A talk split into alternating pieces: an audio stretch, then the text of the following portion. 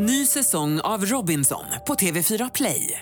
Hetta, storm, hunger. Det har hela tiden varit en kamp. Nu är det blod och tårar. liksom. Fan händer just nu. Det. är Detta är inte okej. Robinson 2024, nu fucking kör vi! Streama söndag på TV4 Play. Radio play. Det var nog snarare att, eh, att jag inte ville sticka ut på något sätt för att jag stack redan ut med min personlighet. Så att då vår, jag, jag ville bara gömma mig. Helst av allt skulle jag nog ha velat liksom stå i ett hörn och förbli där. Och att ingen pratade med mig eller att ingen såg mig.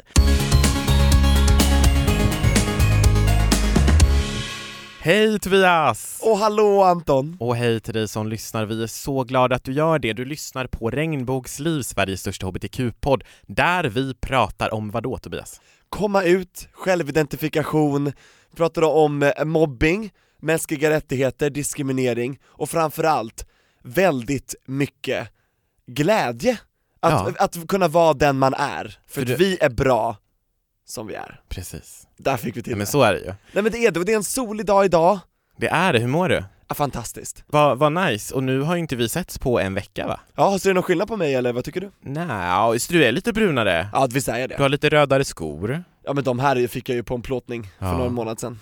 Och jag är så Underbart. taggad idag, för att idag har vi med en av eh, våra absolut mest efterlängtade gäster, som vi har velat Ah. ha med så länge. Så eftertraktad, efterlängtad och allt som rimmar på det. Här, att det, det är ju, han gjorde ju mello i Ja, år verkligen. alltså. Och eh, du som har läst eh, våran eh, description eller eh, rubrik ser ju säkert att det är Feb Freddy såklart som ska vara med. Exactly. Nu blåser vi i pipan. Nu blåser domaren In- i pipan. In med Fab Freddy på planen! Woo, det lär dig. Larry! Vilken inledning. Hej! Hängde du med där? Jag hängde med, fantastiskt. Och Ja. då, men, men hur mår du då? Nej men jag mår fantastiskt, jag känner mig pigg, jag, ja det är en härlig dag, jag har energi. Nej men jag känner, jag mår jätte, jättebra. Och, och, du- det hörs ja, verkligen. Och du, Ja, du vad sprider kul. energi, jag blev mycket gladare nu när du kom in här. Oj vad det sprids, wow. Oj. Ja, verkligen. Wow. Men, Men jag du, tänker så här. vi, ska ju, vi har ju massor som vi vill prata med dig om. Vi vill prata om eh, din eh, entré till showbusiness, till underhållningsbranschen, vi vill prata om Din entré till Mello. livet. Oj, ja, oj, oj. vi vill prata om, det är så mycket vi vill prata om och jag tänker så här, vi brukar ju börja med att backa bandet långt, långt tillbaka, eller hur Tobias? Vi brukar börja om från början. Ja, och, men vi ska börja prata om dig och din uppväxt utanför Kalmar. Ja precis, i, en liten, i ett litet samhälle som heter Påryd är jag uppvuxen. Det är ett namn man inte skojar bort. Påryd. Fantastiskt! Nej, och det, det är svårt för mig att säga som inte riktigt kan säga R, för det blir lätt på, på, på yd, alltså att man liksom hoppar över lite. Det blir massa härliga Ah. vokaler, diftonger, det är vackert. Ja. Men hur länge bodde du där? Där bodde jag faktiskt fram till, jag eh, föddes på Kalmar BB, 80-talet? eh, 90-talet. Nej, är det sant? Ursäkta mig. Ursäkta Tobias Ursäkta. Är inte du född 89? Jag är född 90 och 90, inget ja, annat. okej, inget Det är väldigt viktigt, det blir viktigare med det där år, Förlåt. extra året, varje år det går blir det ännu viktigare. Nej men jag älskar att jag kan säga att jag är född på 90-talet. Jag Jag. Alltså jag älskar det. Jag älskar 90-talet. Var det, var det början på året eller slutet? Eh, eh, oktober. Oktober, ja. ja. Så. Ja, hur ska du rädda upp det här Men det Tobias? här, vet du, det här är klassiskt, det här går i släkten. Ja, Att anta saker, det är inte bra. Nej, Det är väldigt, väldigt dåligt. det är väldigt dåligt. Men det gör också att vi får en rolig situation. Men jag var bra att du kan skratta det, för jag, jag trodde att du, att du föddes när Berlinmuren föll nämligen, men det Varför var ett år trodde du efter. det? Ja. Jag hade den känslan, Varför trodde du det? jag vet inte! Jag fick den känslan, oktober 90, Men det där är ju jättekonstigt, så jag fick känslan av att du föddes när Berlinmuren föll. för det är en vacker händelse. Det är en vacker väldigt händelse. vacker händelse. Ja, och jag, ett jag ur det kom menar. du, men det var ett år senare. Det var ett år senare, jajamensan. Nej men eh, jag bodde där fram tills att jag var 18 år gammal och då flyttade jag vidare till Gamleby, Gamleby från en håla till en annan kan man säga. Fortfarande Småland. Ja det är det va? Där är det många kreativa personer som har lärt rätt. sig... ehm, Nej men jag är osäker, jag är osäker. Ja. Ja, så lita inte på mig. Men i, i Gamleby är det väl väldigt mycket kreativa personer som har lärt sig att filma och fota och sånt. de Ja, har väl någon sån här precis. fotoskola där? Ja de har en fotoskola och Ja. en eh, tv-produktionslinje har de. Av alla ställen så har man valt att lägga det i Gamleby som ju är faktiskt en ganska lite, det är ett litet samhälle. Ja, Så då man har en stor skola och that's about it egentligen. that's it. Men de verkar göra ett bra jobb, för många verkar bli väldigt duktiga efter att ha gått där. Ja men varje, och de har, i, inom branschen har de ett jätte, jättefint uh, rykte Ja, kring sig, verkligen. att ta fram härliga personer. Ja. Mm. Har du alltid varit så här härlig och energigivande och sprudlande? Nej men det har jag nog inte. Det, jag tror att när jag, när jag växte upp så var jag nog faktiskt ganska blyg egentligen. Jag har nog alltid varit lite speciell, kan man kalla det för det. Eh, Vad var speciell för dig? Ja men för mig så innebar det att jag var nog inte riktigt som alla andra. Men det tog ganska lång tid för mig att, att kanske inse det och framförallt att uppskatta det. Det var ju någonting som jag vände mot mig själv väldigt mycket i, i mina yngre dagar. Eh, och vågade nog inte riktigt leva ut. Det var väl egentligen först när jag kom till Stockholm och kom in i tv-branschen där, och jag kände att man liksom på något sätt kunde omfamna den jag var och jag kunde vara mig själv och då blev det nästan att jag ville ta igen alla de här åren där jag kände att jag inte riktigt kunde det, så att då var jag liksom mig själv till verkligen 110 procent. Och det här var 2000? Ja, behöver vi prata årtal? Nej det måste vi verkligen inte göra. Ungefär hur gammal var du när du kom till Stockholm? Istället för att säga hur gammal du var kan man 20, 20, 20, var jag. ja, Det var år 20. två. Hade du längtat länge? Hade du längtat länge efter att komma till Stockholm? Nej, verkligen inte. Och, och det är så konstigt för att mina föräldrar, de var väldigt unga när de fick mig och min bror. Jag har en bror som är ett år yngre. Eh, så mamma var 20 och pappa var 24.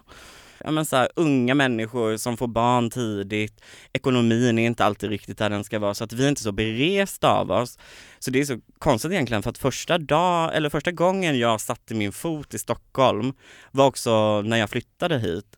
Så att jag hade inte varit i Stockholm tidigare, så jag hade ingen aning om, om staden eller vad det innebär att vara en, en stockholmare liksom. Men vad hade du hört om huvudstaden? Vad var förväntningen? Nej men det, det, det var ju mycket så att kompisar, ah vi var i Stockholm nu i helgen, var där på en liten weekend, du vet lite sådär. Så chic. so fabulous. Osäker på om man använde uttrycket weekend, men, men vi säger att man gjorde det. Vi säger Ja. att man gjorde det. Nej, men, och då, då var det väldigt mycket så här, ah, det är så fint och det är så häftigt, det finns så mycket butik och sådär. Så att jag tänkte ju Stockholm, det är ju, det är så stort, det är liksom så mycket folk och Kalmar 2.0. Nej men alltså vi snackar Kalmar 100.0, det, är Wow. liksom, det går knappt att jämföra. Det var liksom den visionen jag hade byggt, byggt upp. Det var så spännande för då flyttade jag hit till Stockholm och flyttade ihop med några kompisar som jag pluggade med, så att vi bodde i ett hus ute i Tullinge av alla ställen. Åh, gud vad härligt. Ett Söder om. Söder. Vi var ett kollektiv, jajamensan. Där skulle man behövt en Kan man Youtube-kanal. säga att det är söder om söder? Det kan man väl? Det, det, det, Tullinge. Det, det, Alltså- det är ju alltså det är söder om söder men det är ganska söder om långt söder. söder om Men söder. det, det, det, Det är åt helvete om Nej, Söder. för, för jag, bodde, jag bodde i Midsommarkransen också ett tag och då, och då sa jag det, ja men alltså det är söder om söder Midsommarkransen. Och då, då folk hånade mig för detta. Varför Alltså vet, jag blev så hånad. Du kan väl inte säga att Midsommarkransen är söder, och det kändes ändå som att det, Det är verkligen klart att det är det det. är Ja. ju söder om söder. Det är bara lite vatten precis, för den som inte vet så Midsommarkransen är typ fyra minuter med tunnelbana ifrån Södermalm. Ja. Alltså det är ett stenkast från Liljeholmen som ligger liksom på andra sidan vattnet från Hornstull, så att det är liksom absolut giltigt. ja, Men, men, Tullinge, nej, det är söder om söder om söder kanske? Ja. om söder. Men, men, Om Söder. men hur, hur, vad gjorde du när du kom till Stockholm? blev inkastad i Solsidan-produktionen. Ja, där, Wow. den reaktionen. Fantastiskt! Men Solsidan är ju episkt. Ja, det är det de de Det är fem säsongerna det gick, det, det, det kommer aldrig komma tillbaka. Så Och det, vilken säsong var det du jobbade med? Ja, det var andra säsongen, så att man hade gjort första säsongen och det hade blivit en dundersuccé verkligen. Och så skulle man nu då leva upp till de här förväntningarna som hade satts hos publiken och göra en andra säsong. Och där fick jag hoppa in, det var min första praktik och jag var fika-assistent heter det. Gott. och trötta mackor, fy fan. Ja. och lite juice på det. Nej men alltså, så att jag, nej det var inte riktigt min grej, men jag, jag genomförde den praktiken och sen gick jag vidare. Och då jobbade jag med Så ska det låta. Nej men och så här snackar vi, tantaluror, det är gubbar som kommer dit. Och jag fick liksom stå där och Publikansvarig. Ja, jag var publikansvarig. Ja, ja. Det, nej men jag älskade det. Ja. Jag älskade verkligen Åh, finns det någon snällare publiken som ska låta? Jag de är säkert så glada att komma dit och de ska få se live. Ja, och det ska bli live. och de har klätt jättekul. upp sig On lite och det är liksom lite förhoppningar. Nej men alltså det var så fint verkligen. Och där kände jag att shit nu har jag, nu har jag kommit hem liksom.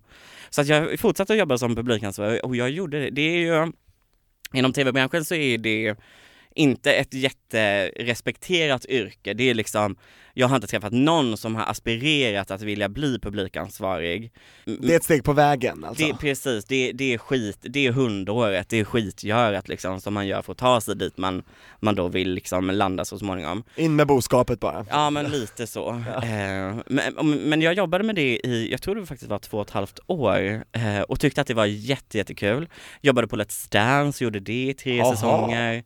Eh, och där har man liksom lite den här live-känslan också. För det var ju riktigt live, så ska låta ju live on tape. Mm, precis. Men Let's Dance är ju live live liksom. ja, ja, ja, Just ja, ja. det. Det är det. Så att eh, när klockan slår åtta, om inte publiken sitter på sina platser, då... Rullar ditt då, huvud. Ja, ja, dels det. Men, men också rulla kamerorna. Ja, då rullar Så att då, då ser alla att man har gjort fel. Var du Fab Freddy på den här tiden?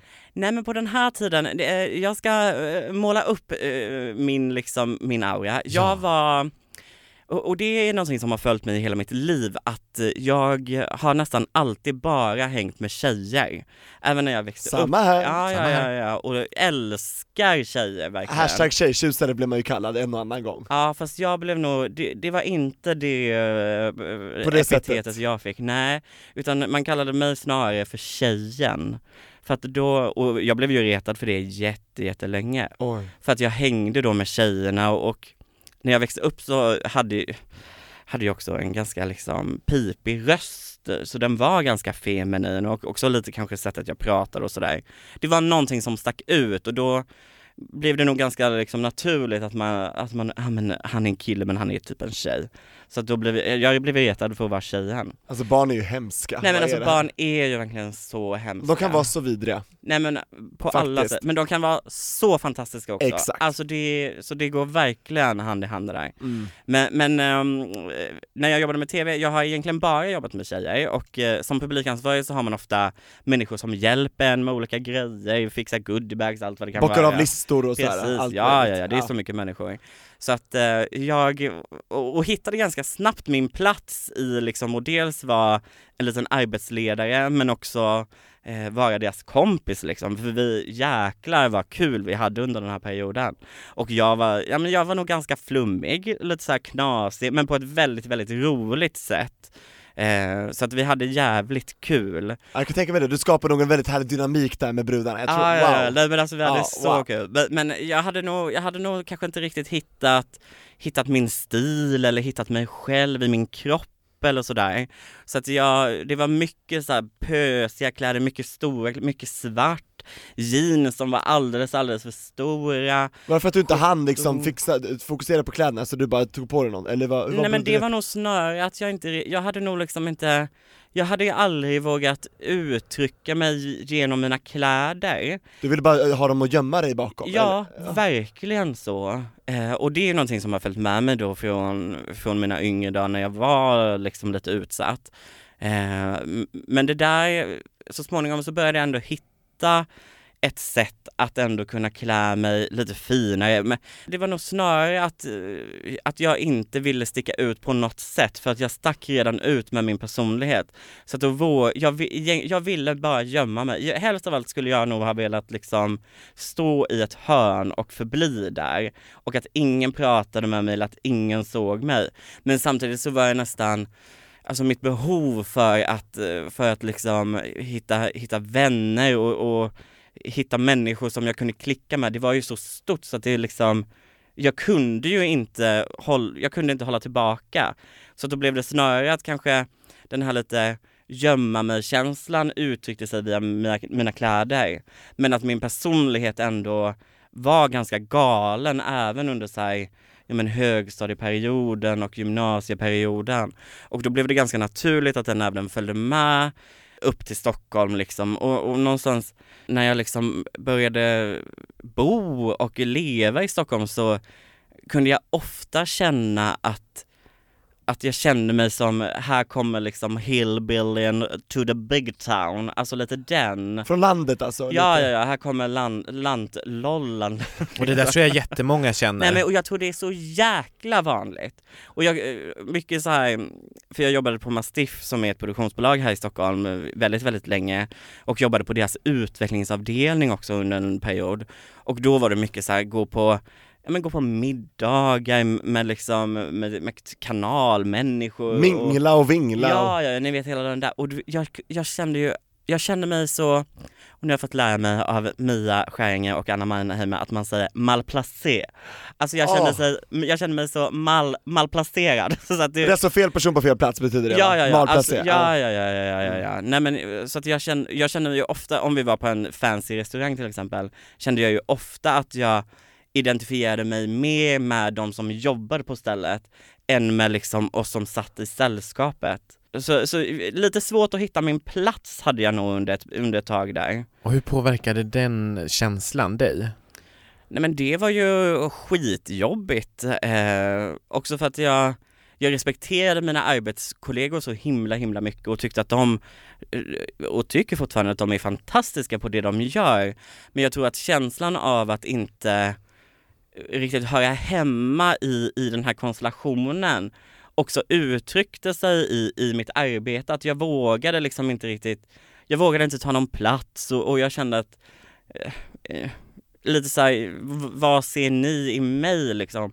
Så där vågade jag nog kanske inte riktigt vara den här roliga personen som jag ju vågade vara med de här tjejerna till exempel när vi jobbade inom publik, eh, publiksammanhang. Så, så har nog haft lite svårt med att hitta min plats. Eh, I sådana där större grupper där folk är väldigt framgångsrika och väldigt eh, så Ja, Alltså. och, och, och, och när jag kollar tillbaka på det så har det också oftast varit en, en manlig eh, chef eh, som har liksom bossat över de här olika konstellationerna. Och det har jag ju också haft, som också ofta har varit kanske eh, gått mot det lite snyggare hållet liksom. Så det har jag ju också haft lite problem med, att ha en chef som är manlig och eh, som eh, ser bra ut liksom. Men har du, har du känt liksom, är det någon i det här gänget då som fick dig att känna dig mer utanför?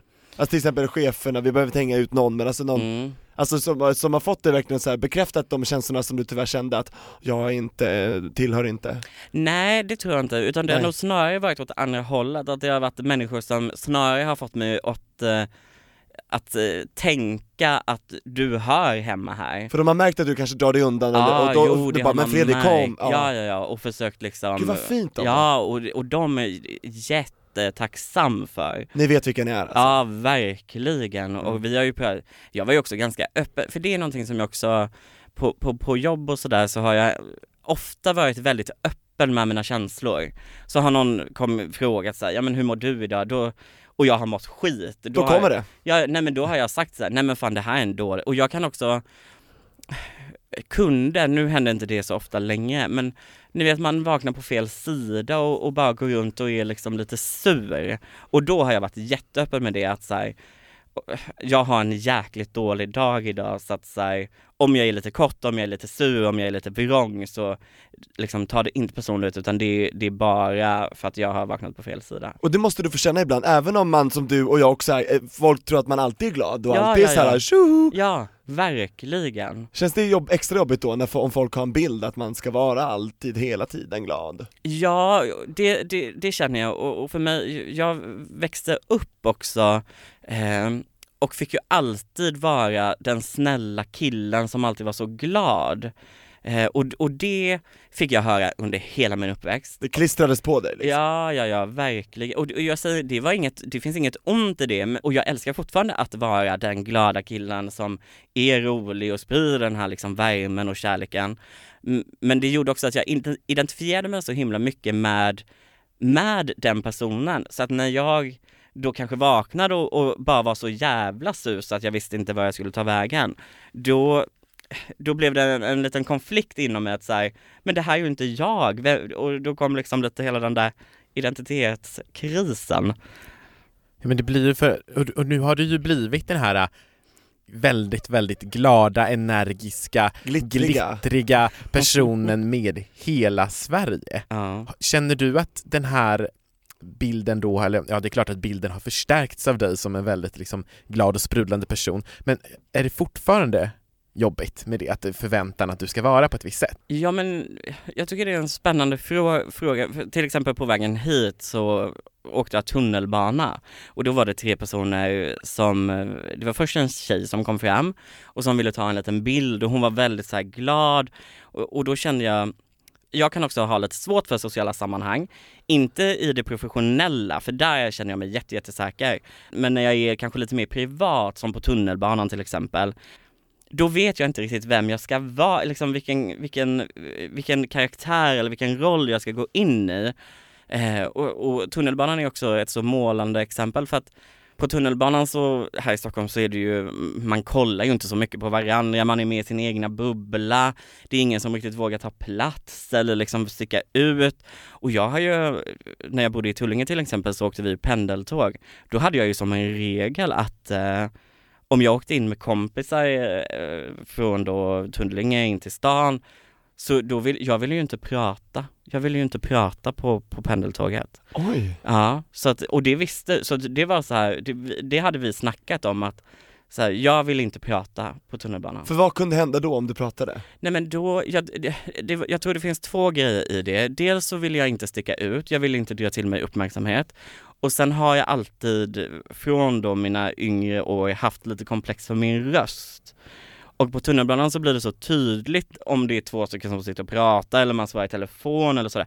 Alltså prata i telefon på tunnelbanan, det gör jag bara inte. Det gör jag fortfarande inte. Så någon ringer till dig när du är på tunnel, tunnel Aldrig i livet. Klick! Ja, ja, ja, ja. Jag svarar inte, utan då kanske jag skickar ett sms istället och då skriver jag hej, jag är på tunnelbanan, kan inte prata just nu liksom. Det där- kan det verkligen- känner jag igen. Ja, jag med. Jag kan verkligen identifiera mig så hårt med det här, för jag hatar kollektivtrafiken, det vet ju du Tobias. Det är det värsta jag vet. Precis. Så här, jättebra för miljön, men skitdåligt för mig. Hellre promenerar jag typ en timme än att ta tunnelbanan i, tio minuter Oj. på riktigt. Alltså. Ja, Oj, oj, oj. absolut. Men jag kan verkligen känna igen mig i den känslan också och tänk då när man står på tunnelbanan, för att knyta an lite till det du frågade tidigare, när man står på tunnelbanan och det kommer fram då en person som ja men lite, kanske tycker att jag är en härlig person eller har mig som förebild och förväntar sig kanske att jag ska vara lite sådär härlig och sprallig och lite knasig som jag ju är på TV och att gå in i liksom i, det, i den sinnesstämningen eller den karaktären, det är väl lite vad man vill kalla det för, hur man ser på det.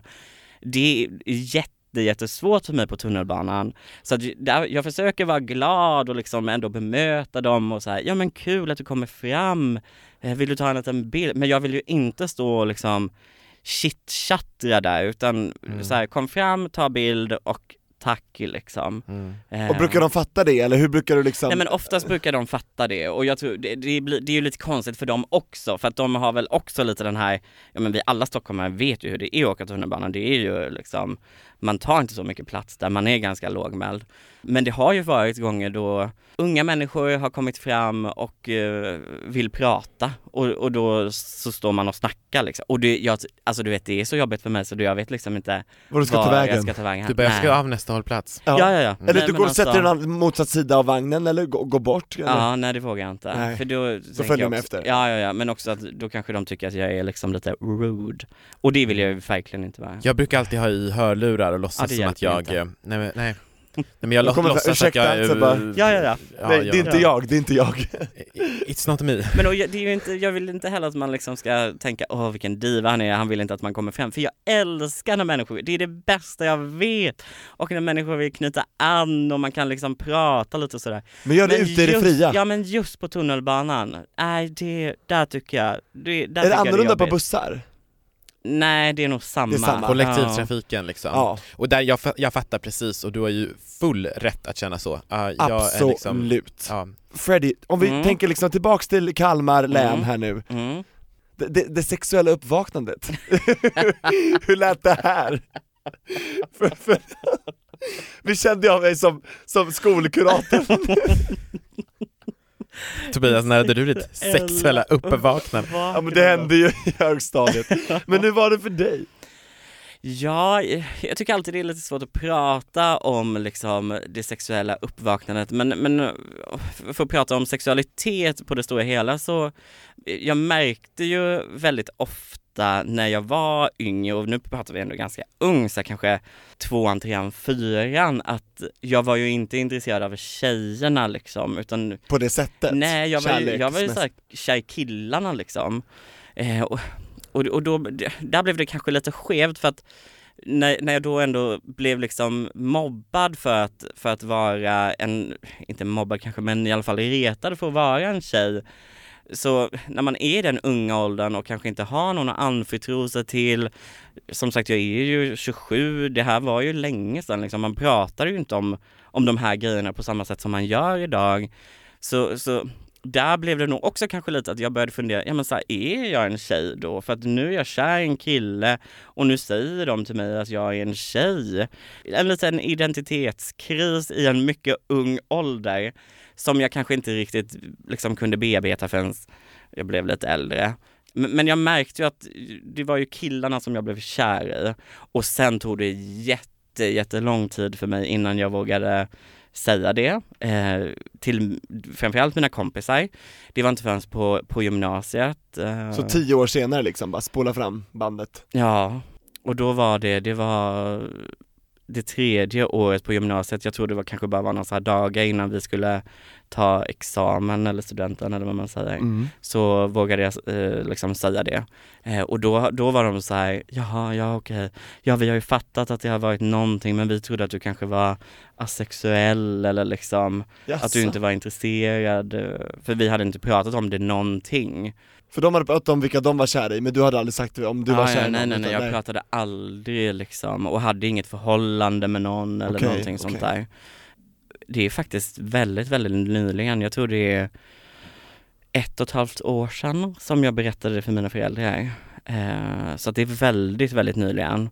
Det, det har aldrig varit att de, för de har, mina föräldrar har verkligen varit jätteförstående i, och de har ju förstått sen, ja men långt tillbaka. För att när de har pratat med mig om så här, kärlek eller så, så har de alltid använt ordet partner. Så här, ja men när du blir tillsammans med någon eller när du och din partner. Så de har aldrig så här könsbestämt det liksom. Aldrig könsbestämt. Vad skönt! Ja. Väldigt. Men det är för att du, ja, det är fördom från min sida, du har ju väldigt unga och moderna föräldrar kanske, Ja fast ändå man, från landet Ja precis, man ska ändå så här, de har deras ursprung. Men sen Mm. har jag också, min farfar har en bror som, eh, han är homosexuell och är gift tillsammans med sin, med sin eh, man blir det ju. Eh, och de har varit gifta väldigt, väldigt länge. Så att kanske att det har kommit någon liten förståelse från dem också. som har sipprat ner i din eh. Precis. Ja, Har du kunnat eh, prata med din farfars bror? Jag har någonting? faktiskt all, jag har träffat honom när jag var väldigt, väldigt ung. Men det är väldigt spännande för vi ska, nu ska vi hela, hela familjen och farfar åka upp till dem. De bor i Norrland nu i sommar så det blir första gången som jag är i liksom vuxen ålder eh, får träffa dem. Så det ska bli Härligt. jätte, Ni kommer säkert ha jättemycket att prata om. Nej men alltså jag, det kommer Ja. vara helt galet. Åh, Vi behöver en uppföljning på det här sen. Du får komma tillbaka till oss. Jag kommer ju från Norrland. Ja, Jag kommer från Kiruna. Jaha, ja, vad ja just det, spännande. just det. Ja. Men det, det verkar som att dina föräldrar tog det väldigt bra, det var ingen dramatisk komma ut-process för dem. Nej, och- och då var det så här, för jag hade gjort, jag hade blivit intervjuad av eh, tidningen QX eh, i samband med att, jag dels skulle dela ut ett pris på QX-galan, Just det. men också att jag jobbade på Barnkanalen och det gick ganska bra och, och barnen tyckte om mig och sådär. Så då ville de uppmärksamma det. Och, och då kände jag att jag ville dela med mig av den här artikeln för att jag tyckte den var så himla, himla fin. Men då behövde jag ju också berätta för mamma och pappa, ja men lite. Helst att de inte ser det på Facebook Ja. direkt, ja jag fattar. Alltså, de, att du får berätta först. Men, men och då jag hade också byggt upp så himla starkt i mitt huvud så här.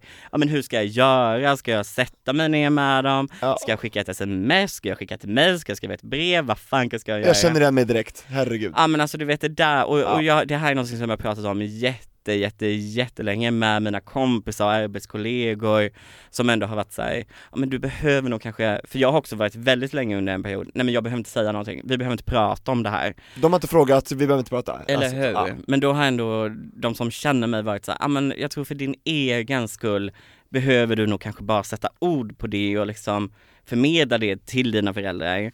Och när jag hade gjort det, det, ja, men det var ju som att så här, Förlösande. ja men nu kan jag göra, nu, ja, ja, är det så här det ska kännas att leva liksom? Det var, nej men det var fantastiskt. Jag vill leva, Alltså, det, leva mitt liv och det- jag ska alltså, leva. det finns typ inget finare än att vara liksom sann mot sig själv Ja, och våga ja, men eller hur? uttrycka vem man är. Ja. Det- Göra den där rosa som elefanten i finns. rummet till en enhörning liksom. Ja, Det gjorde ja, men, du. Åh, vilken fin eh, metafor, Nej, men tack. fantastiskt, ja verkligen. Ja, nej men Fred, jag, jag måste säga det också innan vi går in på hela melloturnén här nu, eh, som var i, i eh, eh, våras här nu. Vi sågs ju första gången du och jag i Mexiko. Nej men det var ju så galet. Vi måste ta upp det här. eh. På Mastiff som du sa att du jobbade på där, det var Ja. de som producerade Paradise Hotel. Ja. Vi drar den här såpan snabbt. Eh, jag blev uppringd av det här programmet, jag tackade nej direkt, sen ringde de upp igen och övertalade mig Ja. eh, att vara med, och jag fick träffa dig. Och du var ju också deltagaransvarig där, för alla oss dokusåpa-människor i denna Ja. comeback renässanssäsong 2013 med Samir och allihopa. Aina, Ja. Och där ja. var du Papsi, och tillsammans med Elin som var Mamsi. Fantastiska Mamsi. Kommer du ihåg den här tiden? Nej men gud, jag, alltså jag min, och vi har ju behövt bearbeta den här tiden Ja. gång på gång på gång, vi som har, har jobbat med den för att Ja, men jag vet inte hur mycket ni deltagare upplevde men det var ju en kaossäsong. Den blev Ja. jäkligt bra i rutan. Ja, men, den mest sedda av alla någonsin. Ja. Ja ja ja, men det, det. var ju fanken som vi jobbade. och det var nästan så att den riktiga såpan var ju bakom, Bakom, ja, ja, ja. det var ju Nej, det, alltså, inte framför kamerorna. sätt och vis. På Ja. alla sätt och vis. Men då minns jag dig som en härlig, underbar person, du och Elin, ni var ju bara, ni skjutsade oss ett kors och tvärs genom det här landet Och till alla inspelningar och alla hotell och alla liksom eh, ceremonier och allting Ja, minns du mig från den tiden? Jag minns dig, jag kommer ihåg att eh, både jag och Elin gillade dig väldigt, väldigt mycket. Tack, jag kom in senare som en joker så att Det gjorde du, Jajamän. du var mot slutet Jajamän. och eh, nej, men vi fick ett väldigt, väldigt gott intryck av dig. Du spred också en väldig energi, väldig kärlek. Ja, Men om man jämför deltar så kändes du på alla sätt och vis som en joker. För att du, det kändes inte som att du liksom... Jag hörde hemma bland nej, dem? Nej. Nej, också, inte mm. bland dem men inte heller i liksom i det här sammanhanget. I eller du, genren, nej, nej. precis. du, du visste att jag skulle gå vidare och göra någonting annat efter det här? Ja men det, blev, det kändes väldigt, väldigt tydligt. Jag kommer ihåg, för, för, jag vet inte om du minns det, men kommer du ihåg att det inte var för tanken var att jag och Elin skulle skjutsa dig till huset när du skulle bli in, liksom, insläppt där. ja. Precis. Men kommer du ihåg att det inte var hon och jag som gjorde det? Minns du det? Ja, Men alltså då Tobias var det så här, för att jag och Elin, vi, nu blir det också en snabb historia här. Nej men jag och Elin, vi jobbade väldigt, väldigt mycket. det gjorde ni. Vi var, jag tror vi var där totalt i två månader. På de här två månaderna så var det, vi hade två dagar ledigt. Alla andra dagar så jobbade vi. Och då hade vi varit lediga dagen innan vi skulle skjutsa dig. Om man tänker att vi har liksom samlat på oss allt det här vi ville göra, så tog vi ut det på den här lediga dagen. Och, Som ni bör. nej men alltså vi åkte då till en restaurang med ett litet gäng, de som jobbade där, och vi blev så fulla. Alltså vi, vi blev så fulla. Och jag och Elin, vi, vi lurade några på den här restaurangen. Och sa att vi är jättekända svenska DJs. Så att de lät oss DJa på den här restaurangen slash klubben. Och vi uppträdde som... Nej men alltså vi uppträdde som, vi gick all in. Och blev, alltså du vet, nej men vi blev så fulla så att det fanns liksom ingen morgondag. Ja. Och det gjorde det inte heller, för att när vi vaknade, klockan 11 på förmiddagen vaknade vi och då skulle vi ha hämtat dig typ klockan 7 på morgonen. Exakt, jag var nog där och bara, vad är det som händer? Ja, ja, ja, ja. Nej, nej, men alltså, och, och då, då, min, väldigt rolig scen, för att då, Elin ligger i sin säng och så ligger jag i min säng och så sätter, jag sätter mig liksom bara upp med så här jättestora ögon och så säger jag Åh herregud. Jag kan se det det här är liksom, scen som vi aldrig kommer glömma. Och då hade jag säkert ringt på den här tegelstens alltså, telefon, eller? du, för vi hade så mycket sms och vi hade en producent och fantastiska Mia som vi älskar jättemycket. Mia Berga. Ja, ja, ja. Herregud. Men alltså du vet, hon var så hon unnade oss ju verkligen det här. Mm. Men eh, vi hade ju ställt till det lite logistiskt sen. Ja. Produktionen är förflyttad, eh, framflyttad. Precis.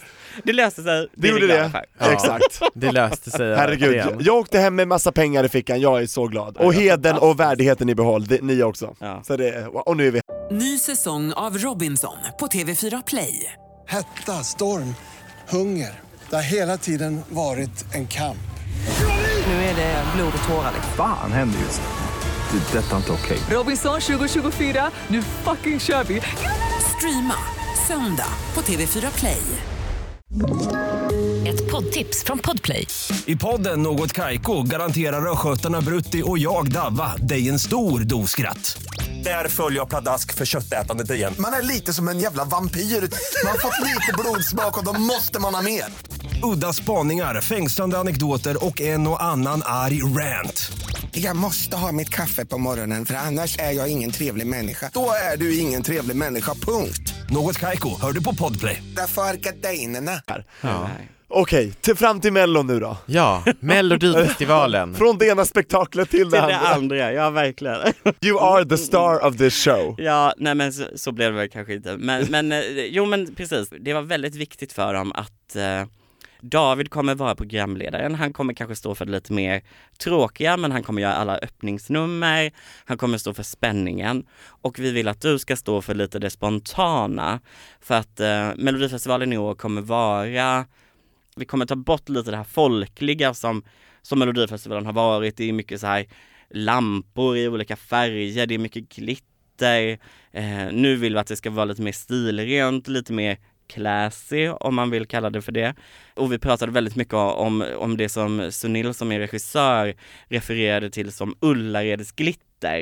Eh, lite så här, ja men Ullared är ju väldigt folkligt eh, och, och glitter, och, och, och jag sa det, så här, det är det jag älskar med Melodifestivalen, att det är folkligt, det är, det är verkligen hela svenska folkets fest och det kan vara lite glitter och glamour och det är lite hejkon bacon liksom. eh, men nej, han ville ha det lite mer classy. Men så sa han också att vi vill att du kommer stå för glittret i år. Och det fick, det fick jag ju verkligen göra. Med den äran, med den äran. Men glittret hade tyvärr också en baksida tydligen. Ja, det hade du verkligen. Kan vi gå in på det nu, med lite distans kanske är Ja, skönt? men det kan vi absolut göra. Det var väldigt blandat. Eh, någonstans ska man också komma, komma ihåg att i- i mycket av det jag har gjort tidigare i min bakgrund så, så har jag haft så himla mycket att vinna på min personlighet, att jag är lite galen, att jag bjuder väldigt mycket på mig själv. Att Du jag är ju så spontan alltså. Ja men jag är det och att jag får människor att, att ändå må bra i min närhet. Så att jag gick väl kanske in lite med en naiv inställning att när jag gör en tre melodifestival, folk kommer ändå tycka om mig för att det har man gjort så himla mycket tidigare i liksom det jag har gjort. Eh, och och, så, och sen, sen blev det ju verkligen inte så utan efter första programmet så eh, haglade hatkommentarerna verkligen på alla olika sätt och vis. På alla olika kanaler med det, på sociala medier. Ja, ja, ja, ja, det var liksom allt ifrån, inte så mycket direkt till mig, Nej. men det var Facebook-sidor, Twitter, det var trådar, det var ja, men, olika forum, bloggar, Skrevs in media. till SVT och sådär eller? Ja, ja, ja, alltså det var överallt verkligen. Jag upplevde det som att det kanske, det var inte så mycket Melodifestivalen man kritiserade utan det var mer mig och min roll. Eh, och sen visste jag ju också någonstans att alla sidekicks som har varit i Melodifestivalen förutom Björn Gustafsson har ju blivit typ ratade.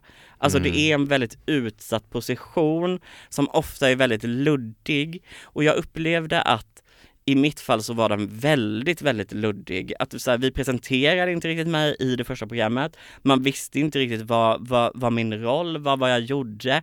Så att för, för, för tittarna så kanske det mer kändes som att ah, men nu har vi en rolig karaktär, honom stoppar vi in i det här stora sammanhanget och så får han göra sin grej och så kommer folk att gilla det. Men jag tror att vi kanske hade behövt lite mer tid, jag hade behövt lite mer tid i programmet att visa vem jag var och att eh, presentera mig och så här, det här står jag för, det här vill jag göra, det här kommer ni få se mig göra under de här sex veckorna. För att nu, nu var det mer att David refererade till mig, och det här var ju manusskrivet så det, jag lägger ingenting på David, men han refererade till mig som eh, hans glitterambassadör och det säger ju egentligen ingenting vad, vad jag ska göra liksom eller vem jag är eller vad min roll är. Så att det, det blev väldigt luddigt och eh, i, i, det, i den luddigheten så föddes den här kritiken som då blev lite av en hatstorm till en början och som var skitjobbig, alltså det var skitjobbigt verkligen på alla sätt och vis. Men alltså det, verkar som att folk trodde att du spelade någon slags roll Ja, eller det, vad det var fick jag ju höra jätte, Ja. jättemycket att folk trodde att jag var en skådespelare som liksom, jag var ju verkligen bara mig själv. Ja. För att jag, det har ju varit min stora dröm att få jobba med, kanske inte framför kameran men ändå vara en del av produktionen. Och nu fick jag vara det men jag fick också stå framför kameran och bara det var ju så här, det var så fett så att jag trodde jag skulle ramla av stolen. Så så jag, jag, kände ju verkligen att jag ville också bara gå in i mellon och visa att här kommer en stollig kille men, men att det finns ett djup. Och det kan jag ändå så här i efterhand känna, för att hatstormen den började lugna ner sig lite och jag var väldigt öppen i media med hur jag kände. Och jag, jag tror jag hade väldigt mycket att vinna på det. Tyvärr så blev det ju att mm, media spann ju vidare på det hela tiden. Det var liksom vinkeln de hade på mig, hatstormen, näthatet. Så det var ju det enda jag fick prata om och det hade jag inga problem med egentligen men jag tyckte det var lite tråkigt att man inte kunde för runt program tre, vi gjorde ju sex program totalt, men runt program tre så började det väl kanske bli att folk liksom lärde känna mig lite, man började hatstormen la sig liksom, det blev inte så mycket hat eh, med eh, de två första programmen, men då ville media inte liksom se det. Men en grej som jag reagerade på väldigt starkt, som vi också pratade om här i podden, vi pratade om det med Mariette bland annat när hon var med, att det var också väldigt mycket bögar mm. som reagerade på att du ansåg som, eller att du såg som för mycket och många, jag, jag såg själv flera bögar som liksom skrev så här att eh, det här skapar fördomar mot homosexuella. Och som så här, att de påstår här, att det här är dålig reklam för homosexualitet, jag ja, fattar inte vad ja, de menar. Alltså jag blev så förbannad och så här, min vän Marie Höllerman skrev en debattartikel också på SVT Opinion som eh, rubriken var Hatet mot Fab Freddy exponerar våra fördomar, hon just skriver om det här liksom. Jag kan säga att det finns två artiklar som som, jag vill inte säga förenade mitt liv, men som gjorde att jag klarade att ta mig igenom den här det här, det här äventyret som det verkligen var. Och det var dels Marias artikel, jag hade fått läsa den innan hon skickade in den och jag skrev det till henne att säga det nailar allting som jag själv har velat säga men som jag inte har kunnat säga, som jag kanske inte får säga. Eh, så att jag var jättetacksam mot den artikeln och det enda som verkligen påverkade mig i den artikeln, förutom allt det fina hon, hon liksom skriver i den artikeln, så var det också att hon refererade till att gå in och söka på Fab Freddy på Twitter är som att läsa en studie i näthat eller någonting sånt där. Mm. Och jag hade inte närmat mig Twitter under den här perioden. Det enda jag läste var Instagram och Facebook.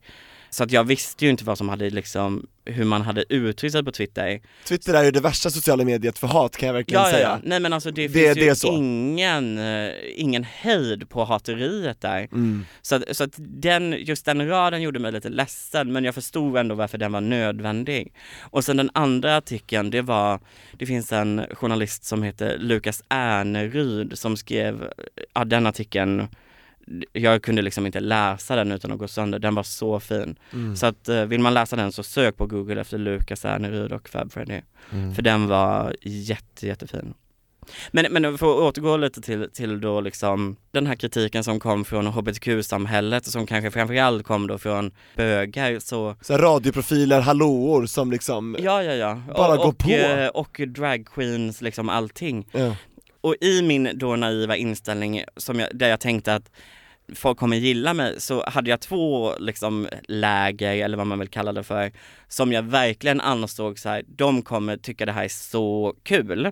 Så var det dels Kalmar, jag kommer från Kalmar, det är ingen kalmarit som har blivit uppmärksammad i Melodifestivalen eller som har fått ett så här hedersfullt liksom uppdrag. Någonsin? Någonsin, så att jag tänkte ju så här, kalmariterna, de kommer vara på min sida, de kommer liksom shit, här kommer en pårudsson som liksom får, har tagit sig in i fucking Melodifestivalen. Det är helt sinnessjukt. Det, kommer, det händer liksom inte. Största programmet i Sveriges mm, historia någonsin, ja, ja, alltså ja, verkligen. Ja. Och här kommer liksom lilla jag från Påryd. Eh, och, det, och det var jättetråkigt, för det är då efter första programmet så var det ju många medier som tog kontakt med mig om just det här hatet och då var Barometern en av de tidningarna som gjorde det. Det är en lokaltidning hemma i Kalmar och de hade också skrivit en artikel om just hur mycket hat jag fick från, liksom, från de lokala invånarna i Kalmar. Så att det var jättetråkigt att höra att de, de inte alls såg det som jag såg det. Eh, Och sen var då det andra läget där jag tänkte att så här, de här kommer jag få stöd ifrån, så var det just hbtq-samhället. Ja men det var så, Spridda skurar ska vi säga, för vi och många andra skurar. HBTQ stöttade Ja, ju. jo, men men att- förvånansvärt många andra gjorde inte det. Ja, Det nej, kan man ju verkligen säga. Verkligen så, och Ja. som, som ni var inne på tidigare, de tyckte då att jag blev eh, nästan som en karikatyr av, av den liksom, eh, av bögen. Den, Nidbilden. Den ja, Ja. precis, en nidbild av av då den typiska bögen och jag spädde på fördomarna mot homosexuella, lite så här, hur, hur kommer det här föra vår utveckling framåt?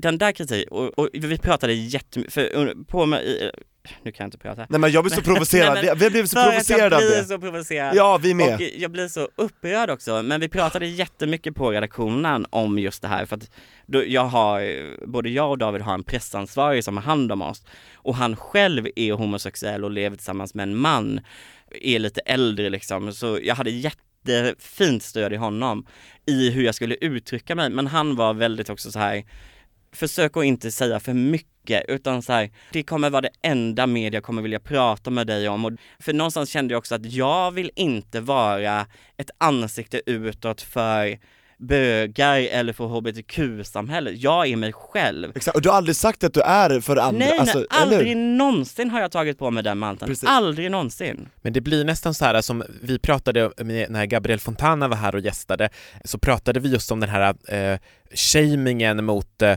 liksom fjollighet och Mm. flamboyans. Och där. fem-shaming. Extremt. Ja, ja, ja, Och, och ja. jag tror att det ligger så mycket rädslor i så här att eh, från många då kanske, inte vet jag, osäkra bögar kanske i det här fallet som då känner så här, nej men gud, om de ser en bög som är väldigt på det här sättet, då kanske de tror att jag också är det. Alltså det blir lite så här Ja. den grejen och man bara, lägg ner. Då har man verkligen missat målet fullständigt, Ja, för blir- allting vad vi håller på med Pride, vi har försökt eh, frigörelseveckan, allt det hårda jobbet som vi och Ja. många äldre har lagt ner. Och då blir det lite Ah. som acceptansen för homosexuella vara villkorad med att du ska vara på ett visst sätt. Nej, jag blir bara så trött. Mm. Ja, där märker man ju hur stark heteronormen är, att den till och med genomsyrar HBTQ-samhället på Jag menar många fronter. också att det råder liksom väldigt starka normer inom inom hbtq-samhället också liksom. Men det, det är applicerat, de applicerar ju heteronormen, för det här, det är ju bara därifrån den eh, kommer, liksom Ja. machokultur och heteronorm och allt det här Ja, Vilja bli passa in och liksom, vad är det för Ja. osäkerhet? precis. Det kan man inte bygga någonting på, vad Men är jag- det för samhälle folk vill leva i? Jag fattar inte det, jag fattar inte det Men jag skulle ändå säga att du kom ju ut ur det här liksom som en stjärna. Eller vad Ja. man ska säga. Alltså det, det känns ändå som du fick din revansch. Ja men och det känner jag ju jätte, jättestarkt och jag tror också min revansch för mig själv blev på något sätt att jag ändå tog mig igenom det här äventyret och hela tiden var sann mot mig själv. För att det var, jag hade, mina föräldrar har ju varit världsbäst på alla sätt och vis genom det här äventyret. För oavsett hur förberedd eller icke förberedd man tänker att man är så behöver man stöttning liksom i, och bara kunna ha dem och ringa till när jag liksom har suttit och gråtit i typ sex timmar för att jag läst så hemska saker om mig själv så att jag liksom, jag är nere på botten och krälar och hur de då kan, kan få mig att ja, men så här, simma upp mot ytan lite, det, det är alltså här, för, nej men föräldrar, det är så fint verkligen. Under hela perioden så var de väldigt stöttande och uppmuntrade mig hela tiden till att var bara dig själv. Ändra inte på någonting, gör inte saker du inte vill göra, utan våga säga det i sådana fall. Men vill du göra någonting, gör det. Men någonting som jag trodde ändå skulle bli lite mer uppmärksammat än vad det faktiskt blev var i finalprogrammet, det var ju mycket som hände i finalprogrammet. Men då... Ditt nummer alltså, herregud Who run the world? Fat Freddy Nej men det var ju, det, Ja.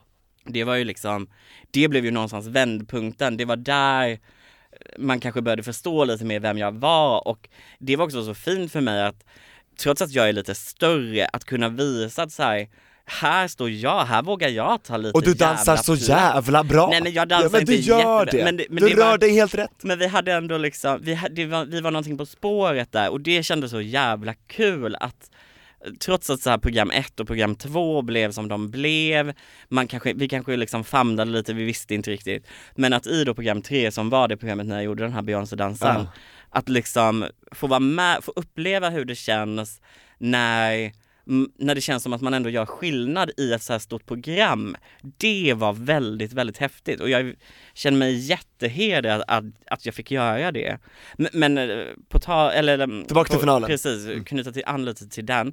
Så jag blev ju stationerad till green room i, i finalprogrammet, det var där jag hängde väldigt, väldigt mycket. Och då valde jag ju att istället för att kalla det för green room så kallade jag det för queen room och hade liksom en mantel på mig och en kungakrona och sådär. För det kändes också lite som ett så slag till alla de här människorna som då på något sätt hade uttryckt att ah, du är en nidbild eller hur bidrar du till utvecklingen av hbtq-frågor och acceptans och allting sånt. Att jag bara kunde stå där och känna mig så jävla säker i att kalla det här jäkla green room för queen room. Det kändes, det kändes så Wow. Liksom. Så jävla du, rätt. Ja, och du har ju blivit en förebild för så många människor. För mig, Så- jag kan verkligen tala Ja. för mig själv. Nej, men- ja men och absolut, jag, och jag tycker det är så absolut. viktigt att liksom du går din väg, du är dig själv och liksom Inte kompromissa. att, att hade ni ändrat på dig Mm. efter de där två första programmen, Mm. då hade ju det liksom på något sätt blivit ett kvitto på att ja, men vi, vi anpassar oss Mm. Ja, efter vad... ett, ett svek ja, vi går in Ja. i liksom mot det som förväntas. och allt det som vi men ni gjorde för. inte det och Nej. du blev ännu mer dig själv och ja, jag tycker bara det var så jävla bra. Och bevisade för alla andra att de hade faktiskt fel. vi kan ju prata nu om en specifik situation som gjorde mig så jä... För, att någonstans så kände jag, jag gick igenom hela det här, eh, den här processen, hela det här äventyret och var så himla liksom förstående gentemot hur, hur människor uttryckte sig och försökte ändå liksom inte vara för kritisk i hur, hur jag liksom bemötte deras då kritik. Men, men så när Melodifestivalen var över så la Kakan Hermansson upp eh, på sin Insta-story och på sin, liksom i sin feed en så appreciation post som har blivit ganska poppis att man gör nu, där hon då uppmärksammade mig. Det blev ju också en diskussion då, för det var mycket också homosexuella människor som gick in och kommenterade i den här tråden, varav en utav dem var, ja vad fan heter han nu då? Han, eh, Shade. Nej men förlåt, nej, men jag glömde namnet. Nej men han som, eh, Christer Lindberg, After dark. After Dark gick in och kommenterade och var så himla kritisk i sin kommentar och, och sa någonting i stil med att för att kunna lyckas så behöver man humor, man behöver timing, man behöver klass, man behöver liksom eh, talang eh, och jag tror också att han på något sätt kommenterade mitt utseende. Och det här ville ju då medierna uppmärksamma och det var väl första gången som jag kände att så här, nu orkar jag inte mer. Hans strid, som han har kämpat med i hela sitt liv, är att alla människor ska vara lika mycket värda, man ska bli accepterad för precis den man är. Och så går den här människan in och skriver en så jävla onödig kommentar som på alla sätt kritiserar mig och min personlighet. Han eh, rör ju sig ändå lite inom det professionella också när han säger att man behöver timing och humor och sådär. Men det var en så jävla onödig kommentar. Och det var första gången som jag också på riktigt vågade så här svara då den här reportern som hörde av sig och vara ärlig i mitt svar för att jag, det var så jävla obefogat. Så oprovocerat. Men så oprovocerat och varför skriva det i hennes, liksom, i henne, kommentera hennes bild? Var det på Instagram hon, eller? Ja, som hon har lagt upp på mig. Jag bara kände, jag fattade inte den grejen. Nej. Nej. Och det var så skönt att bara komma till den insikten att eh, så här, nu vågar jag bemöta det och våga göra det på ett ärligt sätt utan att tänka på hur det kommer tolkas i media, hur kommer människor ta... Och det var också det fina för att när den här artikeln kom ut sen så var det faktiskt jättemycket människor som hörde av sig och som höll med och kallade honom för en trött gammal gubbe. Ja. Ja. Absolut, han får tycka det, men då behöver man inte gå in och skriva det offentligt i en tråd som är till för att uppmärksamma mig och att Kakan då ville uppmärksamma mig för hon tyckte att jag hade gjort ett bra jobb. Mm. Då kan man göra det på sin egen Instagram och inte i en jäkla appreciation post. Nej, liksom. verkligen. Nej, det, det, det är ju ingen stil och klass på tal om att han ska Nej, eller hur? eller hur? Det är så, Eller hur? eller Kan vi hur? inte bara enas om att sådana här typ hatstormar kan förpassas till liksom dåtiden? Ja, Ja. men verkligen. Det är så omodernt så jag vet inte vad jag ska ta vägen. För att det kände jag också så jäkla starkt. Det är så lätt för människor att bara häva ur sig de här skitkommentarerna. Mm. Men man fattar inte att på andra sidan står det en verklig människa. Och det kunde jag känna så många gånger, för det var också, och det är faktiskt två pappor som har hört av sig som hade skrivit jättenedvärderande kommentarer.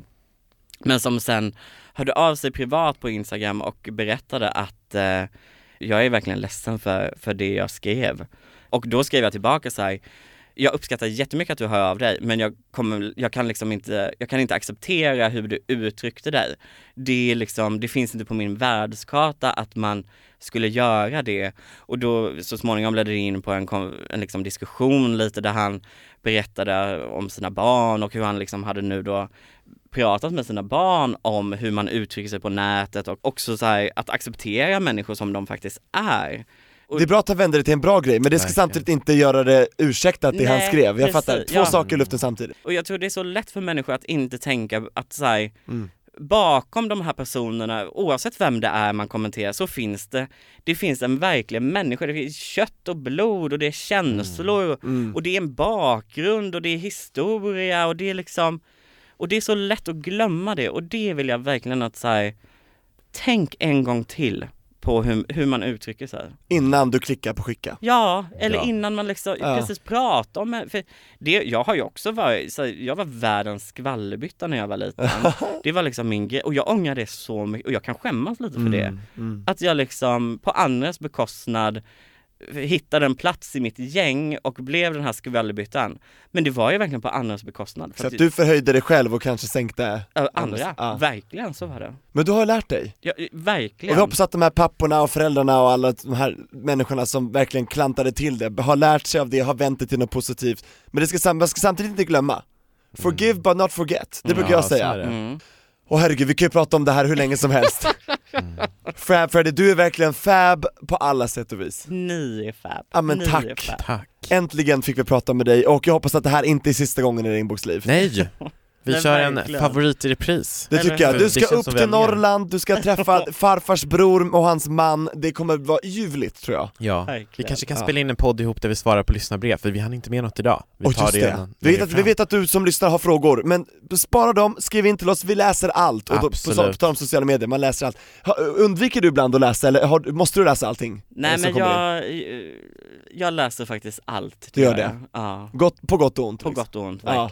Verkligen. Så, så kom ihåg det, det gör vi också här Mm. på Regnbågsliv, på gott och ont. Ja. Men jag är så glad att du ville besöka oss idag och vara med. Ja men berätta. jag är så glad att jag fick vara här och mysa lite med er. Ja. Såklart, absolut. Du är Verkligen alltid välkommen. Ja högt då, hur känns det nu? Jag är helt såhär slut, jag, jag. Uh, Vi har verkligen pratat om allt Ja men ja, det var verkligen. fantastiskt. Ja, så mycket kärlek. Så mycket, och så mycket känslor. Ja. Ja. Och nu, och snart är det Pride, höll jag på att säga. Det är Men det, det är ja. det ju. Det är det ju. Ja. En månad bort ungefär. Ska du på Pride? Jag ska på Pride, jag är roligt. jättetaggad på den här schlagerkvällen. Ja, Och vi med. Nej men alltså jag vill ju, ah, åh gud, nej men det kommer bli så kul. Kommer du glittra? Nej men jag kommer Kanoner? alltså, Kommer det bli- Allt! Jag kommer gå all in. Men då kanske vi kan, eh, för vi, vi har ju inte berättat än vad vi ska göra på, på Pride, men vi kommer ju finnas där på ett eller annat sätt, då kanske vi kan Nej, ta men- en liten När mickarna stängs av Freddy, då kommer vi prata. Och, och du som ja. lyssnar, häng kvar för det kommer vara mycket nyheter som kommer. Men kan vi inte bestämma det, att vi, om vi inte innan så ses vi på Pride? Absolut! Absolut, och du som lyssnar får vara med. Absolut. Ja, Överallt där poddar finns. Alltså Absolut. tack och förlåt för allt, brukar jag säga, då har jag garderat mig. Tack och förlåt. Verkligen. vad vill ni säga när vi drar? Då instämmer jag, tack och förlåt.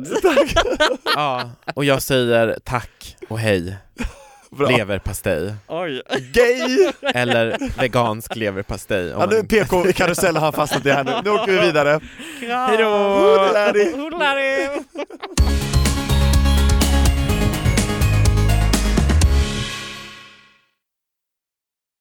Ett poddtips från Podplay. I fallen jag aldrig glömmer djupdyker Hasse Aro i arbetet bakom några av Sveriges mest uppseendeväckande brottsutredningar.